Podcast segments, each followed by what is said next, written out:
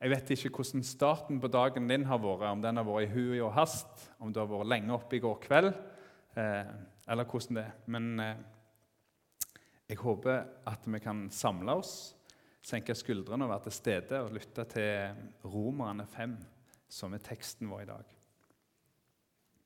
Jeg vet ikke om du har vært oppe i en situasjon der du har vært skikkelig redd, fortvila og engstelig. Om du har vært i en situasjon der du har problemer med å se at utgangen på dette her kan ende godt. Om du ikke har det, så er sjansen ganske stor for at du kommer til å komme opp i en sånn situasjon i løpet av livet. Denne verden som vi lever i, som er en fantastisk verden, skapt av Gud eh, og ville av Gud i begynnelsen av april så kan jeg i hvert fall jeg ha det sånn at eh, da har jeg litt problemer med å se mørkt på livet. Når vi får sånne dager som dette her, og du ser at dette daua begynner etter hvert å spire og gro igjen, da, da har jeg problemer med å se, se mørkt på livet.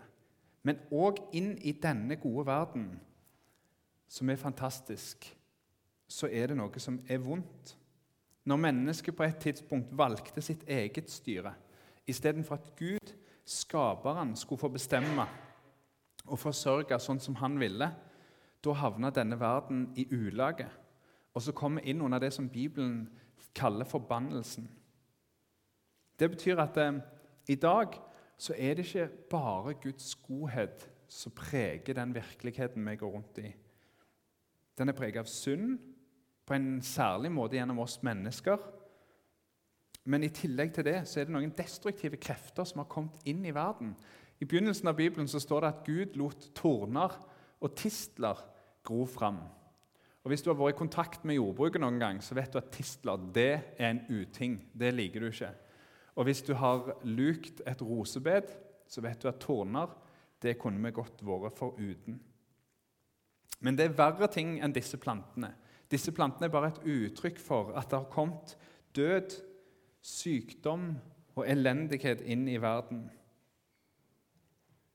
Og dette kan smelle i ansiktet på oss midt på en ellers fantastisk vårdag i april. Og så kan vi stå der og spørre oss kan dette gå bra.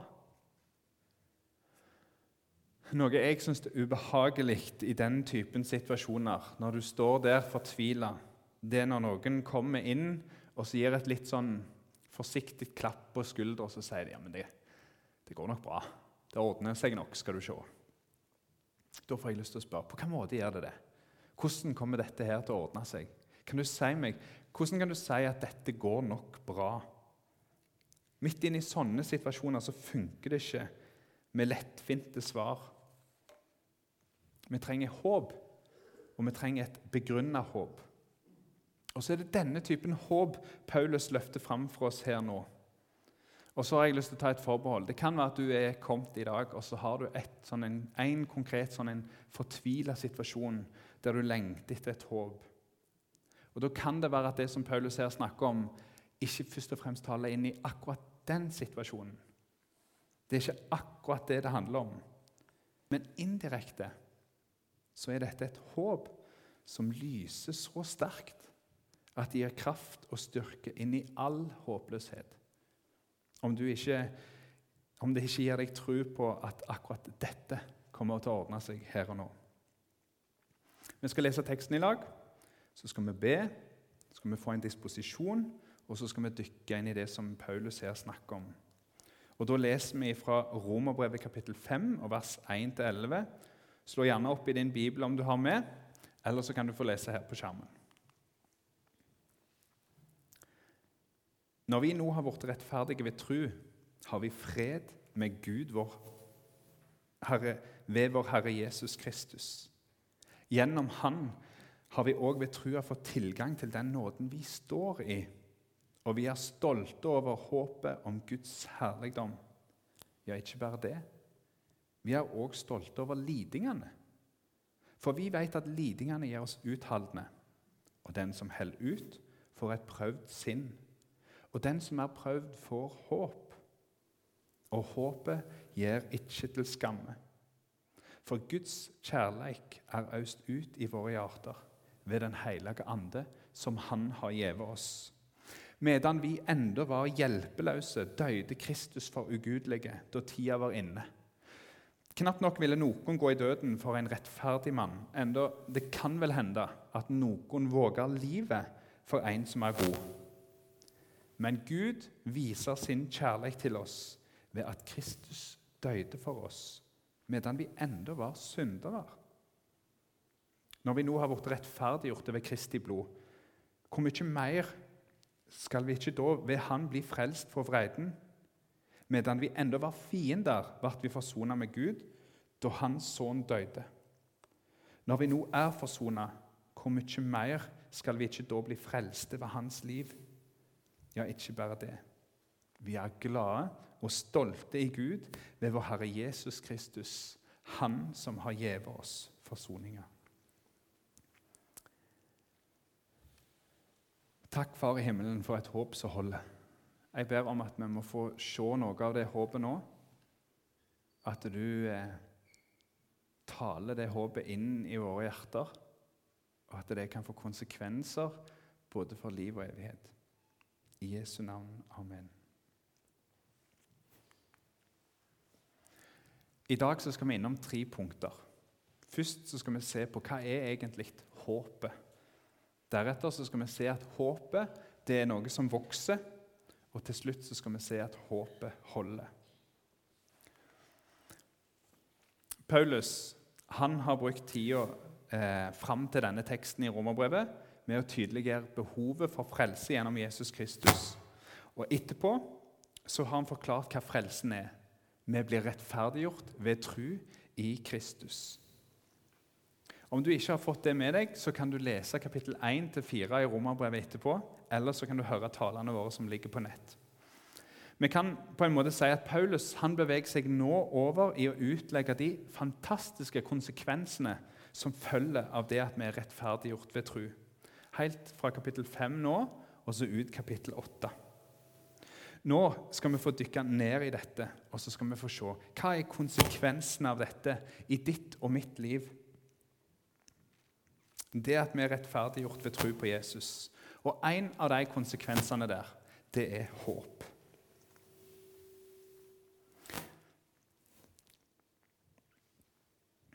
Og så er det det Paulus stopper opp med i innledninga her. Ved trua på Jesus Kristus så har vi nå fred med Gud, vår Far. La oss stoppe opp helt innlednings der. I trua på Jesus Kristus så har vi fred ved Gud, vår Far. Den allmektige skaper. Han som står over alt. Han som er rettferdighetsgarantisten. Han som alle skal dømmes framfor en dag. Han har vi fred med. I Jesus Kristus så kan du komme fram for Gud i dag og på den siste dag. Og så kan du møte din barmhjertige fars milde ansikt. For du har fred med han. Det er oppgjort, det er ferdig, og du har fred. Og så er det en fantastisk formulering som kommer etterpå her. Gjennom Han har vi òg ved trua fått tilgang til den nåden vi står i. Jesus han blir inngangen på trua. Han er inngangen. Når vi begynner å tro på Jesus, så får vi tilgivelse for syndene. Men dette det er ikke en sånn engangshendelse at du begynner å tro på Jesus, og så blir du tilgitt. Nei, i Jesus så står du i en konstant strøm av nåde, nåde, nåde. Det er ikke sånn som en misforståelse av kristen tro kan være. At det er sånn at når du blir en kristen, når du sier ja til Jesus, eller når du begynner å følge ham, da blir du tilgitt. Nei, du du kommer inn i en evig strøm av nåde. Og den nåden det er noe som vi trenger hver eneste dag. Du som er kristen, du kan få hvile i dette. Og så gir det oss et håp som vi er stolte av. Håpet om Guds herligdom, står det. Men hva er det håpet?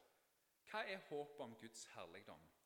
Jeg vet ikke om du har det noen ganger sånn at du leser en tekst, og så er det en tekst som du har lest før, så du vet allerede hva den betyr. Så det dukker ikke opp så mye nytt i hodet ditt. Min umiddelbare tanke her det var det at håpet om Guds herligdom, det er himmelen. sant? Det er evigheten hos Jesus. Den plassen hvor synd, død og elendighet er utrydda, det er tatt bort, og så er alt godt. Og det er virkelig vårt håp. Men Paulus her, han skriver om at vi er stolte over håpet om Guds herligdom. Da er det ikke først og fremst snakk om himmelen, men det er en ganske konkret referanse. Paulus han refererer til en helt konkrete ting. Og Da må vi tilbake til kapittel 3 og vers 23, og så skal vi lese det i sammenheng. Men nå er Guds rettferd, som lova og profetene vitner om, åpenbæra utenom lova. Dette er Guds rettferd som blir gjeven ved trua på Jesus Kristus til alle som tror. Her er det ingen skilnad, for alle har synda og mangler Guds herligdom. Men ufortjent og av Hans nåde blir de kjente rettferdige, frikjøpte i Kristus Jesus. Som mennesker så mangler vi Guds herligdom. Synda den preger oss på en sånn en måte at, at, Guds herligdom stråler ikke av oss. Noen ganger så kan vi forenkle ting. Vi kan, vi, kan, si at, eh, at, at kristen tro er litt sånn som matte. Og Da kan vi si at synd det er minus. Og Hvis du har synda, så, så får du noen minus. Og så gode gjerninger, det er pluss. Og så sier vi at om du har synda, da havner du på minussida, og så trenger du at Jesus kommer med sine plusser, og så blir du rettferdiggjort. Og, og Det er på en måte sant, men det er en ganske graverende forenkling. Når Gud skaper mennesket i sitt bilde, da skaper han noe av seg sjøl. Tanken hans er ikke bare at eh, ja, nå håper jeg at de ikke havner i noe minus. Men vi skal ha noe av hans herligdom, hans ære. Vi skal likne han. Gud, han er god. Han er hellig, han er heil, han er fullstendig, han er rettferdig, han er sann. Han er oppofrende, han er rein, han er sjenerøs, han er rik, han er full av nåde. Han har tyngde. Han er kreativ, og så bruker han sin kreativitet på å skape det som er godt. Han holder orden. Han holder alle ting oppe. Han gir liv, og han er liv. Og så kunne jeg ha fortsatt og fortsatt og fortsatt og fortsatt og snakket og beskrevet Guds herligdom på denne måten. Hans guddommelighet og hans ære. Og dette, det var det som var tenkt for oss. Vi skulle være hans ambassadører på jord, og så skulle vi ha del i Guds herlighet. Og syndet vårt den er bare et uttrykk for at vi mangler denne herligheten. La meg bruke en scene fra en film for å prøve å illustrere dette. her. I filmen 'Ringenes herre' så møter vi Gandalf the Grey. Han er eh, en trollmann som eh, arbeider for det gode. Og På et tidspunkt så forsvinner denne eh, mektige trollmannen, og så blir han regna for å være død. Og En dag, på et tidspunkt, så møter en dverg, en alv og en kommende konge veldig lys og en mektig og buldrende stemme i en skog, i en ellers dyster skog. Det stråler av den skikkelsen som står framfor deg, og enkelte av dem kneler ned i ærefrykt. De møter Gandalf den hvite i en ny herlighet, og i møte med den herligheten så blir deres mangelfullhet avslørt. Det halter, altså, men det sier noe av Guds herlighet. Det peker i en retning av det jeg vil fram til. Vår Far i himmelen, han er større. Gud han er gjennomgripende god, han er hellig, ren og fullkommen. Og når vi møter han i hans herlighet, hans ære og hans tyngde, Da blir vi fylt av en ærefrykt og en glede. For vi ser det som er virkelig godt, sånn som det egentlig skulle ha vært. Og som kristne så kan vi bli fylt av håp. Et håp om at en dag så skal vi ha del i dette. Det begynner nå, men det blir ikke fullført før den dagen når vi står hjemme hos Gud. Når du ser din skrøpelighet, når du erfarer hvordan du mangler denne herligheten, eller når du innser at det er, det er noe i deg som vil det, det flotte som Gud er, men det har liksom ikke de forutsetningene som skal til for at det får slippe til. De har ikke de rammene eller det rommet. Det er noe som står i veien for at du kan få den herligheten. Da skal du rose deg over håpet om at en dag så skal du stråle sånn som han. Vi roser oss over håpet om Guds herlighet. Og så er det nettopp i møte med vår egen skrøpelighet at dette håpet som du kan rose deg av, utvikler seg. Paulus han skriver ja, ikke bare det. Vi er òg stolte over lidingene, for vi vet at lidingene gjør oss utholdende. Og den som holder ut, får et prøvd sinn, og den som er prøvd, får håp. Forrige gang vi var i Romerbrevet, så, så vi dette i praksis med Abraham som håpte. Enn når alt håp var ute, så holdt han fast på håpet, og så trodde han. Paulus han vil lære oss en måte å møte det som er vanskelig, å møte det vonde her i livet. Og Når vi går inn i dette, så må jeg si at det, dette er ikke hele Bibelens lære om hvordan vi skal møte lidelse. Bibelen sier masse om dette. Den sier noen ting om eh, gråt med de som gråter, rop til Gud, klag, sukk. Det er mange ting. Men her, i denne teksten, så ønsker Paulus å vise oss at vi kan være stolte over det som er fullstendig irrasjonelt. For òg inn i det som er vondt, så kan vi se håpet, og så kan vi håpe. Min erfaring er at gjennom de tingene som er vonde, så forsterkes håpet. Håpet om Guds løfter, håpet om Guds herlighet. Og så er det ikke alltid midt oppi det at det skinner sterkest. Men for min del så må jeg si at stadig oftere så skiner det òg da. La meg bruke et bilde. Om du er ute på summetur, og så summer du, og så har du kommet midtfjords, og så vet du at her kommer du deg ikke over, men du har blitt lovt ei redningsbøye. Jo mer du erfarer av slit, jo større farer som raser, jo tydeligere det blir for deg at dette klarer du ikke, jo mer trenger du denne redningsbøya og så håper du på den. Lidingene gjør oss utholdende.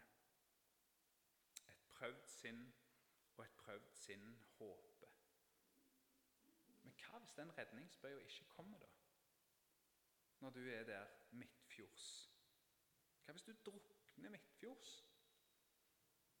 Og alle rundt deg får det med seg. Han dro ut på summetur snakket om ei redningsbøye, og så skulle han bli redda midtfjords. Tenk om håpet svikter. Dette er helt sikkert spørsmål som begynner å dukke opp når du kaver alt du kan. Tenk om det svikter? Og så går Paulus inn på dette i fortsettelsen. Håpet hell. Og håpet gir ikke til skamme, for Guds kjærleik er øst ut i våre hjerter ved Den hellige ande som han har gitt oss. Paulus han viser oss hvordan håpet holder. Og så viser han oss òg at håpet om Guds herligdom det begynner nå. Allerede nå så blir vi preget ved at Hans hellige ånd bor i oss og peker oss i en retning. Han gir oss kraft og styrke, og det kommer han mer tilbake til i kapittel 8.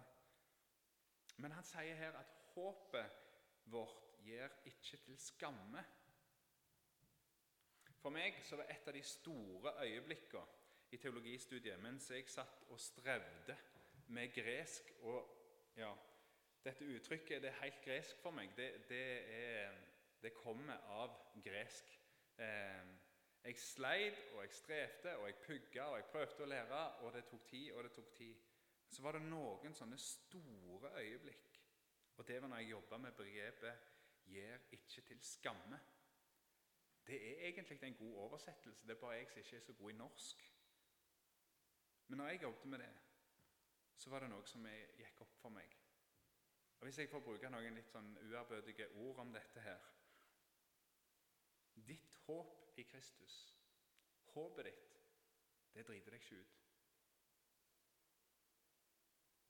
Når alt skal avgjøres, når alt blir synlig, så kommer du til å løfte håpet ditt. Og så kommer du til å glede deg over at ditt håp holdt. Det prøver Paulus å si. Det gjør ikke til skamme. Det blir ikke en pinlig seanse, men en stund med glede, fryd og stolthet.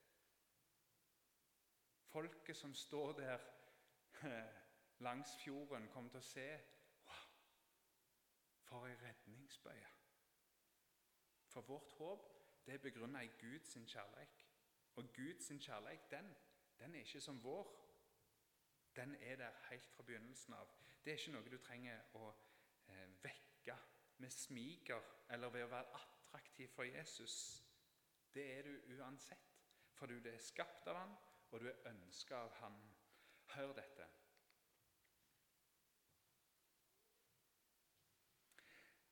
Medan vi enda var hjelpeløse, døde Kristus for ugudelige da tida var inne.